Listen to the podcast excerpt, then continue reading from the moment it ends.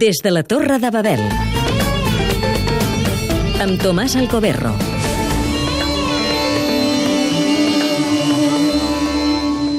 Me'n vaig a l'Orient complicat amb idees simples, va dir el general de Gaulle al ser destacat a Beirut abans de la Segona Guerra Mundial. Des d'aleshores, a l'Orient Mitjà, Sharq el-Awsat pels àrabs, s'ha fet més complexa, més difícil d'interpretar. La qüestió d'Orient va començar al final del segle XIX, quan l'imperi otomà, l'home malalt d'Europa, anava decaient, i les potències europees, Gran Bretanya i França, aspiraven a dominar els pobles àrabs que li estaven sotmesos i els van ajudar al seu alliberament. A Beirut, a la plaça dels Màrtirs, hi ha un grup escultòric dels musulmans i cristians que es varen aixecar contra el seu poder amb armes i varen ésser fusellats pels soldats otomans.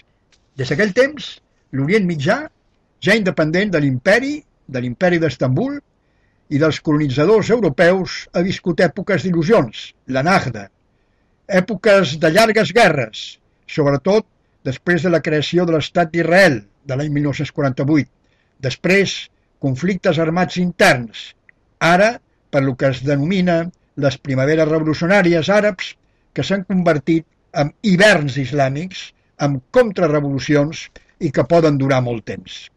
Ningú va preveure, fa tres anys, el cop històric que van patir els pobles de l'Àfrica del Nord i de l'Orient Mitjà, i ningú tampoc el que està passant, per exemple, a Egipte amb un govern dels germans musulmans o a Síria amb una guerra de complexitat internacional sanguinària.